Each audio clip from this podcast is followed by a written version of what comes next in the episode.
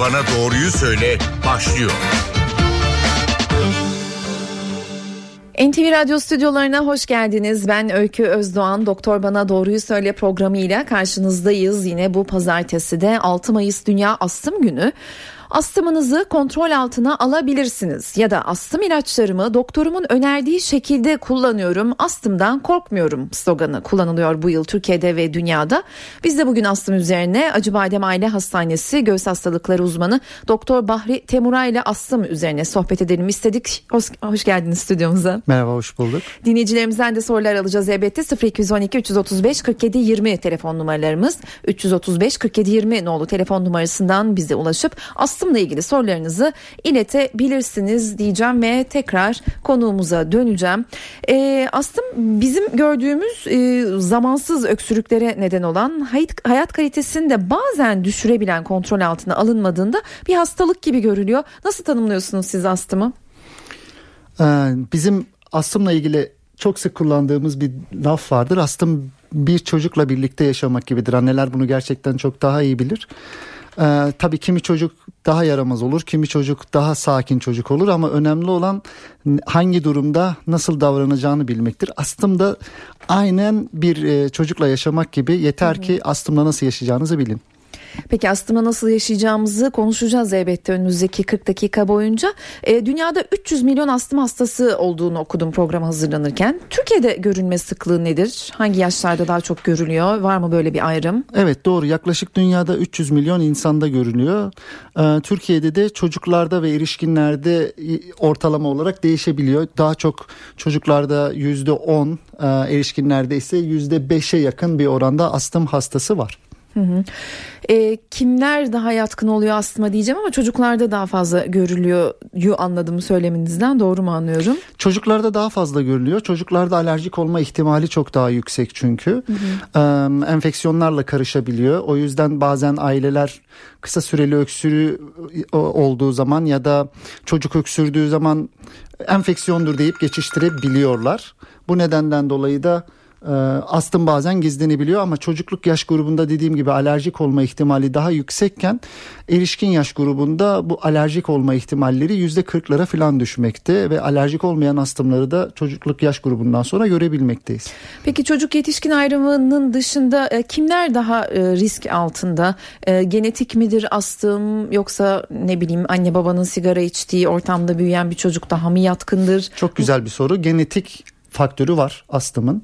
Yani annesi ya da babası astım olan bir bireyin kendisinde de astım çıkması bizim açımızdan beklenebilen bir bulgu. Hmm. Çevresel faktörler de etkili, ırk etkili, cinsiyet etkili. Hmm. Yani cinsiyet e, derken kadınlarda daha mı çok görülüyor? Evet, kadınlarda daha çok gör, gör, görüyoruz. Hmm. Bu arada dediğim gibi e, sigara içilen e, aileler sigara içilen ortamlarda daha sık olma ihtimali var. Çevresel kirlilik, çevresel maruziyet. Bunun dışında e, besin alerjileri, Hı hı. astımı tetikleyebilecek şeyler olabiliyorlar. Çünkü astımda çok farklı farklı bulgularla hasta gelebiliyor bize. Bu nedenden dolayı astımla ilgili eğer ortada bir maruziyet varsa ya da daha önceden ailede astımlı olduğu düşünülen ya da bilinen biri varsa çocukta da astım olma ihtimali olabilir evet. E, peki bizim bildiğimiz e, öksürüktür e, astımı e, düşündüren. E, normal o öksürüğü normal öksürükten ayıran nedir diye soracağım ama asıl sorum e, astımın belirtileri nelerdir? Var mı öksürük dışında bir belirti? Bir de astım öksürüğü nasıl bir öksürüktür?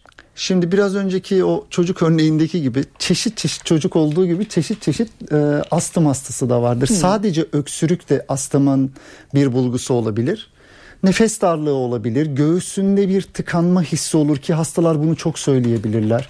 Özellikle gece olan bir hırıltıdan bahsedebilir hastalar. Ama bunların hepsi bir arada olduğu gibi sadece bir tanesi de olabilir. Yani bir hasta sadece öksürüyorsa astım olabilir mi? Evet astım olabilir. Bir hastanın sadece gece hırıltıları varsa astım olabilir mi? Evet o da astım olabilir tek başına öksürük bir astım belirtisi olabilir. Olabilir evet. Peki o öksürük normal bir öksürük müdür ya da ne bileyim daha mı uzun sürüyorsa astımdır? Mesela şöyle bir şey okudum galiba. 3 hafta süren bir öksürükse astım denebilir. Yoksa her öksüren ben astım mıyım diye doktora giderse yandık. Yandınız. ya araş, araştırılması gerekli. Yani öksürük sonuçta bir hastalık değil. Öksürük bir bulgu.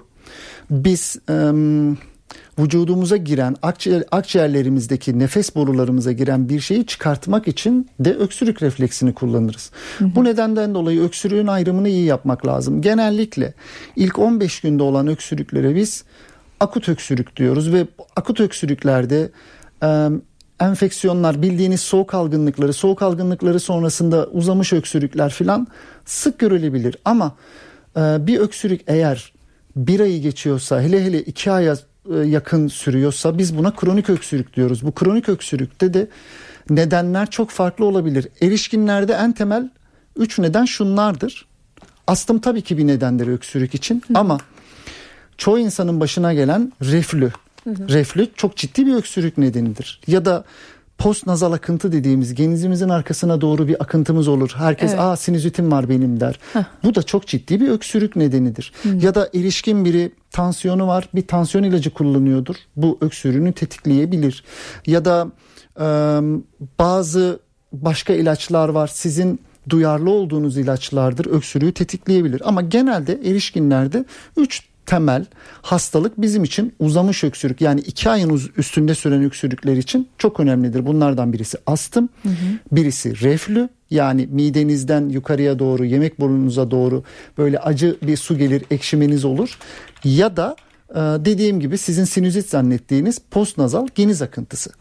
Peki e, bu bugünkü programda bir değişiklik yapalım. Dinleyici sorularını e, hemen almaya başlayalım. Çünkü çok telefon geliyor. İkinci bölümde çok fazla sıkışıp dinleyicilerimizin sorularını yanıtlayamıyor oluyoruz. Merhaba yayındasınız. Sorunuzu alalım. Öykü Hanım seni bırakamıyorum. O kadar güzel şeylere şahit oluyoruz ki bu astımla ilgili konuşacağım. Babam benim e, 73 yaşında astımdan öldü. E, sebebi doktora götürdüm. Doktor dedi ki alerji dedi tıbbın yüz karası dedi o zaman. 85 yılında öldü. Efendim. Radyonuzun ee, sesini kısabilir misiniz lütfen? Ha, tamam kısayım. Şimdi ben şunu sormak istiyorum. Ben 78 yaşında ünlü bir modacıyım da şey e, bende de olur mu acaba astım ileride? Hani irsi midir bu nedir? Ee, şimdi neresinden başlayayım? Öncelikle şu var.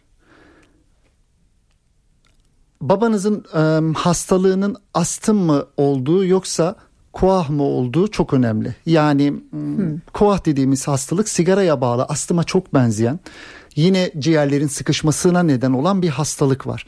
Bunlar birbiriyle çok karışırlar. Özellikle erişkin yaş grubunda bizim en büyük sıkıntımız budur. Sizin eğer şu anda ara ara olan bir öksürüğünüz yoksa ya da geceleri bir sıkışma hissiniz yoksa sabah sizi uyandıran bir probleminiz yoksa sizin şu anda 78 yaşındasınız bununla ilgili korkacağınız bir şey yok. Ama bu problemleriniz varsa mutlaka bir göğüs hastalıkları uzmanına başvurun size bir solunum fonksiyon testi yaparlar. Ee, bu da biraz daha sizin açınızdan aydınlatıcı olur. Peki teşekkür ederim yayınımıza katıldığınız için. E, astımın kontrol altına e, alınması durumunda kişi normal bir şekilde e, devam ettirebiliyor hayatını anladığım kadarıyla.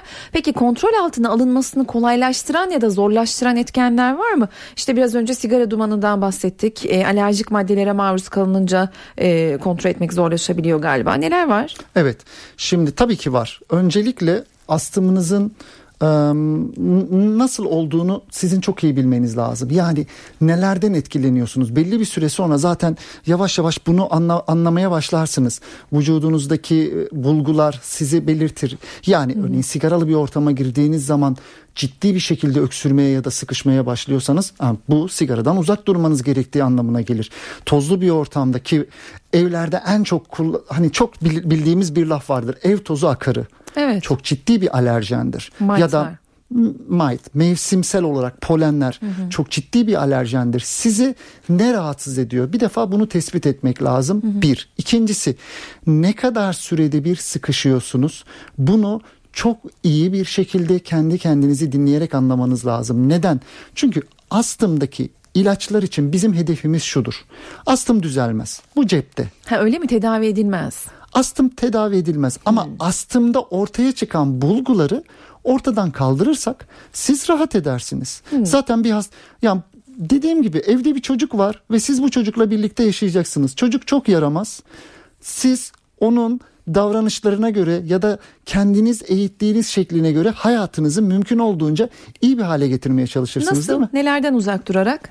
De biraz önce bahsettiğim gibi eğer bir alerjen sizi rahatsız ediyorsa ya da çevresel e, bir maruziyetiniz ya da sigara gibi bir defa kafadan onlardan uzak Tamam. duracaksınız. İkincisi bir aspirin içseniz bile bazen e, semptomunuz ortaya çıkabilir. Öksürüğünüz olabilir ya da nefes darlığınız olabilir. Sizi rahatsız eden başka bir şey var mı? İlaç gibi ya da bir boyar madde gibi yediğiniz besinlerde. Bunları iyi tespit edeceksiniz. Üçüncüsü de ne kadar sürede bir sıkıntı yaşıyorsunuz? Bunu ne kadar dozluk bir ilaçla doktor kontrolü alıyor. Yani hekim kontrolü beraber birlikte yapmak bunu çok önemli. Size bir hekim ilaç verdi astım için siz bunu aldınız ve yıllarca bunu kullandınız. Ne azalttınız ne arttırdınız hekime hiç gitmediniz. Bu sefer sizin astımınızın gerçekten bir kontrol altında olup olmadığını biz ciddi bir şekilde anlayamadığımız için belki de çok gereksiz ilaçlar kullanmış olursunuz ya da e, ilaçları azaltmamız gerekirken ilaçları azaltmadığınız için vücudunuza zarar vermiş olursunuz. Buna çok dikkat etmek lazım. Peki astımın bir de çeşitleri var galiba. Alerjik astım, çocuk astımı. Başka? Dediğim gibi alerjik ve alerjik olmayan diye basit kabaca ikiye ayırabiliriz. Alerjik astım her yaş grubunda görülebilir ama çocuklarda daha çok alerjik astım olur.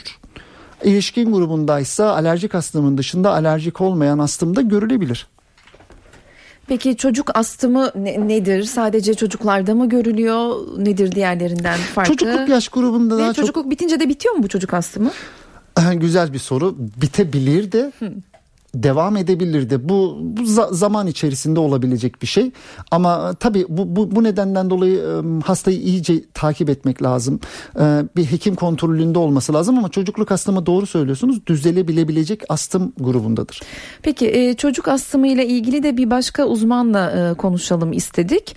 Acıbadem Fulya Hastanesi Çocuk Sağlığı ve Hastalıkları uzmanı Arzu Özgeneci Ongun telefon hattımızda e, bağlandı zannediyorum Arzum Hanım. Merhaba Arzum Hanım hoş geldiniz yayınımıza. olduğu için istersen şöyle uygun bir yere geçeyim. Arzu Hanım yayındasınız merhaba. Merhaba. Ee, çocuk astımından e, bahsediyoruz. E, hem dünyada hem ülkemizde çocuklarda en sık rastlanan hastalıklardan biri diye okudum. Bilmiyorum doğru mu? E, nedir diye stüdyo konuğumuzda bir giriş yaptık ama e, devamını sizinle getirelim. Sadece çocuklarda mı görülüyor ve sonra gerçekten geçiyor mu? Astım şöyle bir şey. Çocuklarda geriye dönüş olabilen kayıcı bir akciğer hastalığı. Ah, Çocuklarda ne kadar sıklıkla görülür derseniz yüzde beş oranında görülüyor. Erişkinlerde de görülüyor. Yalnız çocukluk astımının bir özelliği var. Yüzde seksenin uçağı da geçiyor. Kendiliğinden geçiyor. Yaşa bağlı olarak. Ama önümüzde görülen en sık en sık kronik hastalıklardan birisi. E, çocukların ve ebeveynlerin nelere dikkat etmesi gerekiyor? Birincisi hava kirliliği olan yerde çocuğu çok bulundurmaması gerekiyor. Astımın genetik komponenti var. Eğer ki ailesinde varsa çocuk doktoru olarak mutlaka sorarız ailenizde var mı diye. Ailede var ise önlemlerini çocuk doktoruna söyleyerek bizim ailemizde var çekinmeden önlemlerini alması lazım. Yani koruyucu tedavi olması lazım. Bunun yanı sıra zarf aşılarını mutlaka alması lazım. Bunun yanı sıra grip mevsiminde ise grip aşısını mutlaka olması lazım çocuk okula ya da yuvaya başlayacağı dönemlerde de çocuk doktoruyla yakın bir ilişkide bulunup bu ilaçlarını düzenli kullanması lazım. Peki. E, teşekkür ediyoruz yayınımıza katıldığınız için. Rica ederim. Acıbadem Fulya Hastanesi Çocuk Sağlığı ve Hastalıkları Uzmanı Arzu Özgeneci Ongun telefon hattımızdaydı. E, HDP eş başkanı Selahattin Demirtaş şu anda Balıkesir'de mitingde konuşma yapıyor. Canlı yayınlıyoruz. Bir ara veriyoruz.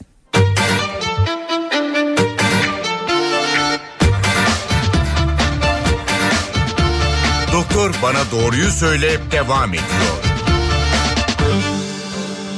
Doktor Bana Doğruyu Söyle programında bu hafta astım üzerine sohbet ediyoruz. Ben Öykü Özdoğan, stüdyo konuğumuz Acıbadem Aile Hastanesi Göğüs Hastalıkları Uzmanı Doktor Bahri Temuray. Telefon numaralarımız 0212 335 47 20 335 47 20 ne oldu telefondan bize ulaşıp astımla ilgili sorularınızı iletebilirsiniz.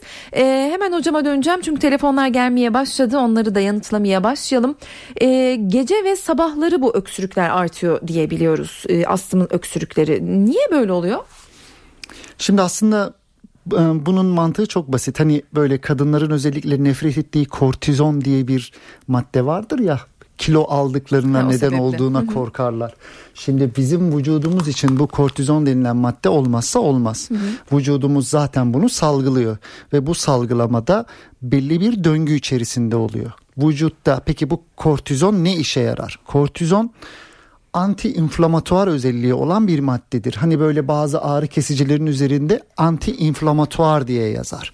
Yani tam bir enfeksiyon değil ama enfeksiyon nedeniyle oraya göç etmiş olan hücreleri belli bir düzene koymak için kullanılan anlamına gelir.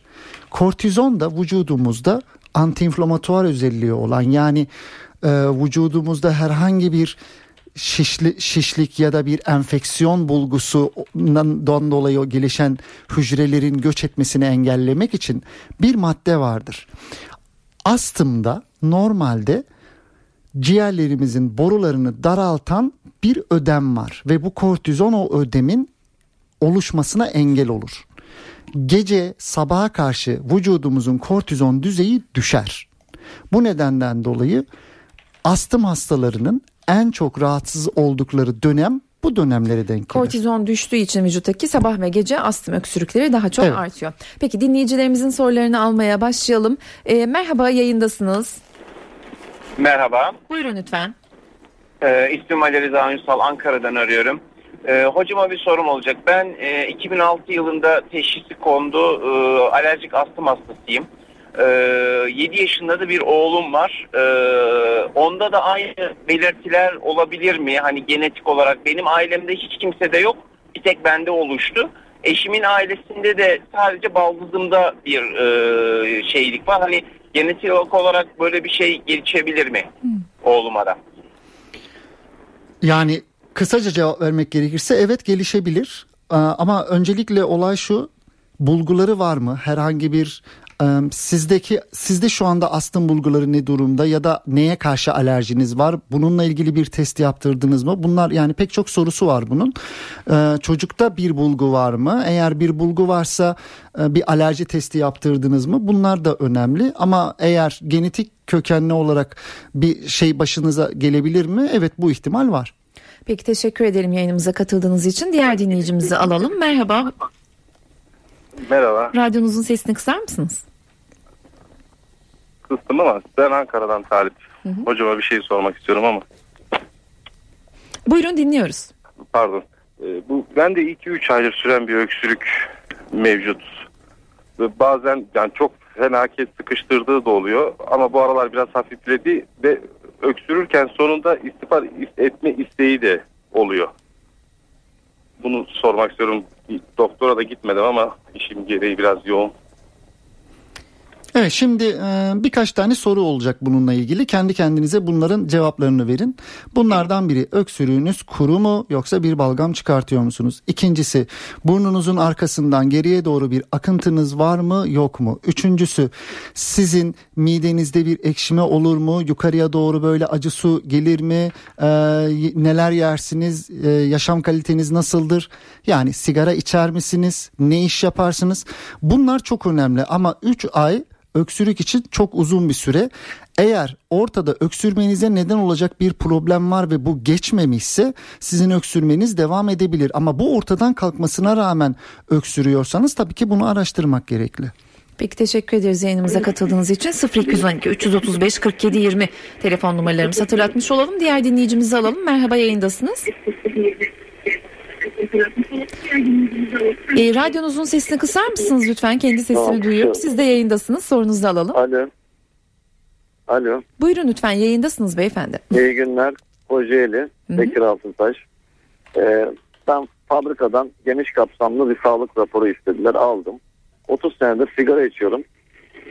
Ee, böyle ciğer görmedim diyor. Çok temiz ciğerleriniz diyor. Ben de çok e, şikayetliyim. Ülser var bende. Sigara da içiyorum. Günde bir paket veya yarım paket. Ee, aslında alakası yok ama çörek otu yağı kullanıyorum. Erzurum'dan da e, dut pekmezi aldım, kullanıyorum. Bunların faydasını görebilir miyim? 15-20'de de e, doktorla randevum var. Şimdi- Bir zahmet telefon bağlantısı kesilmesin. Ee, bu, bu benim çok sevdiğim bir soru. Çünkü çok hastalarla en çok konuştuğumuz şey budur. Hastalara ya doktorlar bunu yanlış söylüyor ya hastalar yanlış anlıyor. Şimdi akciğer filminin temiz olması şu anlama gelir. Şu anda bir hastalık görünmüyor anlamına gelir. Akciğer filminin temiz olması sizin ciğerleriniz temizdir demek değildir. Yani şöyle düşünün. Karşıda kocaman bir halat var. İki tarafı gergin. Ben arkasından hafif hafif hafif hafif onu e, yırtıyorum. Ama siz baktığınız zaman nasıl bir halat bu? Gergin ve e, gayet düzgün bir halat. Ama onun ne zaman bozulacağını, ne zaman o halatın kopacağını bilemezsiniz. Sizin için de bu geçerli. Siz sigara içiyorsunuz. Tabii ki genetik olarak sigaraya e, vücudunuz sigaraya çok şey olmayabilir. Bir hastalık yapmayabilir ömrünüz boyunca. Ama yapma ihtimali normal insanlara göre çok çok fazla bir miktarda artar. Sizin şu anda akciğer filminiz normal olması, temiz olması anlamına gelmez. 3 ay sonra bir film çektirdiğinizde Allah korusun orada bir şey görebiliriz. Hocam ben akciğer için veya astım için, öksürük için söylemiyorum. Midem çok kötü. Sigarayı ben 30 senedir kullanıyorum. Ee, 25 sene önce de açık kalp ameliyatı geçirdim. Plastik yama kondu. Doğuştan delikti. Hiçbir şikayetim yok sadece ben mideden. Tamam Ee, net bir şey söylüyorum. Sigara içme. gelelim. Çörek otu yağını kullanayım mı? Ya o, o- onların bilimsel hiçbir şeyi yok ama şu anda bilimsel olarak tek bir şey var senin için. Sigara içme. Peki diğer dinleyicimizi alalım yayına. Ee, merhaba yayındasınız. Sorunuzu dinliyoruz. Astımla ilgili olsun lütfen. Ee, iyi yayınlar kolay gelsin. Teşekkürler. Ee, Ankara'dan arıyorum ben. Ee, yaşım 27. Ee, hocama sorum şu olacaktı. 20'li yaşlara kadar herhangi bir sıkıntım yoktu. Ee, 20'li yaşlar sonrasında çok efor sarf ettiğimde e, bisiklet sporuyla uğraşıyorum. Ee, geceleri özellikle çok efor sarf edersem akşam e, bir hırıltı öksürük oluyor. Ee, kardiyolojiden de teste girdim efor testine herhangi bir sıkıntı çıkmadı. Ee, yani efor sarf etmezsem hiçbir sıkıntım yok hayatımda. Ee, çok koşarsam veya şeyden de teste girdim ben ee, yine ee, göğüs hastalıklarından efor testine girdim. Orada da bir sıkıntı çıkmadı. Fakat ee, bir hırıltı öksürük oluyor çok koşup ee, efor sarf edersem. Ee, egzersizle oluşan astım diye bir şey var. Evet bu sizin başınıza gelmiş olabilir. Solunum fonksiyon testi, ilaçlı solunum fonksiyon testi yaptırmanız lazım. Bu nedenden dolayı bir göğüs hastalıkları uzmanı mutlaka bir görmeli sizi. Hocam e, yapıldı, ilaçlısı da yapıldı. Hani eforla ilgili bir sıkıntı, e, bir pedal çevirtiyorlar biliyorsunuzdur. Evet. On, onda herhangi bir sıkıntım çıkmadı hocam. Hiçbir şekilde nefesim falan dararmadı onda. E, ama e, yine de bir astım teşhisi konuldu. Yani bir şüpheyle. Şu an için e, bir inhe, inhilasyon kullanıyorum sabah akşam. Yani kullanırsam bir sıkıntı yok yine. E, kullanmadığımda çok dediğim gibi efor sarf ettiğimde bir daraldı. Yani terim soğuduğunda oluyor hocam. Koşarken veya bisiklete binerken herhangi yine bir sıkıntı yok. Anladım. Ya- Yani egzersize bağlı astım olabilir. Ee, şu andaki kullandığın tedaviyi de e, hekimi sana uygun görmüş. Bence bir sakıncası yok. Peki teşekkür ederim yayınımıza katıldığınız için 0212 335 47 20 telefon numaramız. Astımla ilgili sorularınızı stüdyo konuğumuz Doktor Bahri Temura'ya iletebilirsiniz. Egzersizden bahsediyorken astım hastaları egzersiz yapabiliyor mu veya nasıl yapsalar daha iyi olur onlar için? Yani tabii ki astım hastaları da egzersiz yapabilir. Dediğim gibi astımla birlikte yaşamayı bilmek çok önemli. Ee, Ne yapsalar egzersiz sırasında onlar için sorun olmaz? Öncelikle şu egzersiz sırasında herhangi bir solunumsal problemlerinin gelişip gelişmediği çok önemli. Her astım hastası illa egzersiz yaparken problem yaşayacak diye bir şey yok. Ama pek çok futbolcu bile var astımlı olan. Ee, ba- şey e, egzersiz öncesi kullanılabilen ilaçlar var. Hekiminiz mutlaka size bundan bahsedecektir. Biz e, kısa etkili bronkodilatörler diyoruz. Kısa etkili nefes açıcılar. Egzersiz öncesinde kullandırarak hastayı çok rahat bir egzersiz yaptırabiliyoruz ama mutlaka hekimin Egzersiz tavsiyesiyle. sırasında da ağızdan nefes alıp verme diye bir şey okudum ama doğru mudur? Yani çeşitli şeyler var ama çok çok etkili olmayacaktır. Çok farklı olmayacaktır. Peki diğer dinleyicimizi alalım yayınımıza. Merhaba sorunuzu dinliyoruz. Ee, merhaba ben Eskişehir'den. E, merhaba efendim. E, ben Eskişehir'den Buyurun. Ayhan Bozkurt. Buyurun Ayhan Bey sorunuzu alalım. Evet ben bir gece e, yani nefessiz kaldım. Nefes nefesi kaldım. Hastaneye kendimi zor attım. E, orada bir hava verdiler bana. Sabahında göğüs hastalıkları uzmanına gittim. E, koah teşhisi koydu ama koah mıyım dedim. Değil dedi. E, böyle yazmam gerekiyor dedi. Faracil kullanıyorum sabah akşam. Geçenlerde yeterli olmadı. Tekrar muayeneye gittim. Ekstra onun gibi makineyle kullanılan bir ilaç daha verdi. İsmini çıkaramayacağım. Ben bunu ömür boyu kullanacak mıyım? Bunun tekrar bir göğüs filmini çektirmem lazım. Bir de işim ağır. Genelde e, çok e, yorulduğum zaman biraz daha nefes nefese kalıyorum. Bu konuyla ilgili Hmm. Yani kaç yaşındasın? Sigara içiyor musun, içmiyor musun? Sigara Solunum içiyorum, fonksiyon testlerin ne durumda? Bunları hani görmeden bir şey söylemek mümkün değil. Sigara Anladım, anladım efendim. Sigara kullanıyorum evet. Anladım. Yani e, tabii bir, bir, bir sıkıntı yaşamışsın. Bir, bir kez daha tekrarlamış. Uzun süreli kullanıp kullanmaman konusu da bu tamamen takiplerinle alakalı bir şey. E, öncelikle neyin olduğunu kesinlikle netleştirmek lazım. Kaç yaşındayız demiştiniz? 36 efendim. 36 yaşı bizim koa için çok beklediğimiz bir yaş değil. Olmayacak anlamına gelmez. Ama genelde koa için beklediğimiz bir yaş değil. E, yeniden bir başvurmanızda fayda var. Peki teşekkür ederim yayınımıza katıldığınız için.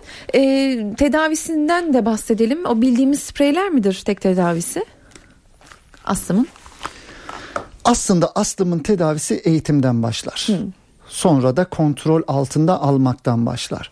İlaçlar bizim astım için kullandığımız e, mecbur kaldığımız zaman kullandığımız şeylerdir. Yani eğitim dediğimiz şey şu. Öncelikle astımın ne olduğunu bilmek, nasıl davranacağınızı, hangi durumda bunu bilmek, e, sizi rahatsız eden e, nefes darlığınıza ya da öksürüğünüze ya da hırıltınıza neden olan şeyi mümkün olduğunca ortadan kaldırmak. Bunları yaptınız. Buna rağmen hala sıkıntılarınız varsa biz astım ilaçlarını kullanıyoruz. Astım ilaçlarında asıl amaç şudur. Mümkün olduğunca az ilaç, mümkün olduğunca çok e, rahatlık. Yani şu anlamda basamak tedavisi dediğimiz bir şey var. Mümkün olduğunca biz ilaçları çok fazla yüklemeyi sevmeyiz. Çünkü daha sonrasında da ilaç eklememiz gerektiği zaman ilaç ekleyebilelim diye. Bu nedenden dolayı sizin kendinizi çok iyi tartmanız lazım. Haftada kaç kez sıkışıyorsunuz? Bir probleminiz oluyor mu? Ee, solunum değerleriniz ne durumda? Yani ilaç kullanmak aslında bizim açımızdan eğitim ve kontrolden sonra gelir. Zaten soruyu yanlış sordum. Astım tedavi edilebilir bir hastalık değil demiştiniz. Astım birlikte yaşanılabilir, e, ömür boyu da size sıkıntı çıkartmayabilir bir hastalık ama yeter ki hastalığınızın ne olduğunu iyi bilin. Bu bunun önemli bir hastalık olduğunu ama beraber yaşarken e, ömür boyu sizi mümkün olduğunca düzenli bir şekilde astımı kontrol ederseniz ömür boyu hiçbir problem yaşamayacağınız bir hastalık olduğunu bilin. Astım krizi anında ne, ne yapmak gerekir? Kişi ne yapmalı? Etrafındaki ne yapmalı? Onu geçiren bir çocuksa, okuldaysa neler olmalı? Çok güzel bir soru. Astım krizi anında öncelikle evde size astım krizi için hekiminizin önerdiği belli ilaçlar olacak. Bunları ilk etapta kullanmanız, bunlarla rahatlayamıyorsanız mümkün olan en kısa sürede de acil servise başvurmanız gerekli. Sokakta, okulda. El- elinizde o Hep o bahsettiğimiz ilaçlar hep ilacınız cebinizde olacak. Yani o ilacınızsız dışarıya çıkmayacaksınız. Evet. Ee, okulda da mutlaka öğretmeniyle diyalog sanırım. kurmak lazım. Çünkü bir anda sıkışabilir. Panik yapılıp başına ne geldiğinden e, haberdar olmazlarsa panik bu işlerde çok ciddi sıkıntıya neden olabilir. Ee, az önce konuk olan e, hoca ile konuşuyorduk ancak Demirtaş'ın e, miting konuşması nedeniyle konuşmayı yarıda kesmek zorunda kaldık. Grip aşısı işe yarıyor mu?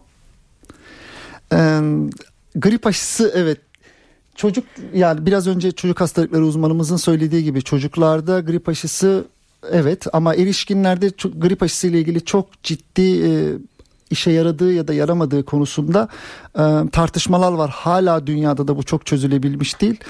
O, o yüzden net bir şey söylemek imkansız. Çok teşekkürler yayınımıza katıldığınız için. ben teşekkür ediyorum. Çok sağ olun. Acıbadem Aile Hastanesi Göğüs Hastalıkları Uzmanı Doktor Bahri Temuray'dı bugünkü konuğumuz. Astım üzerine sohbet ettik. Ben Öykü Özdoğan. Önümüzdeki hafta bir başka konukla karşınızda olacağız. Hoşçakalın.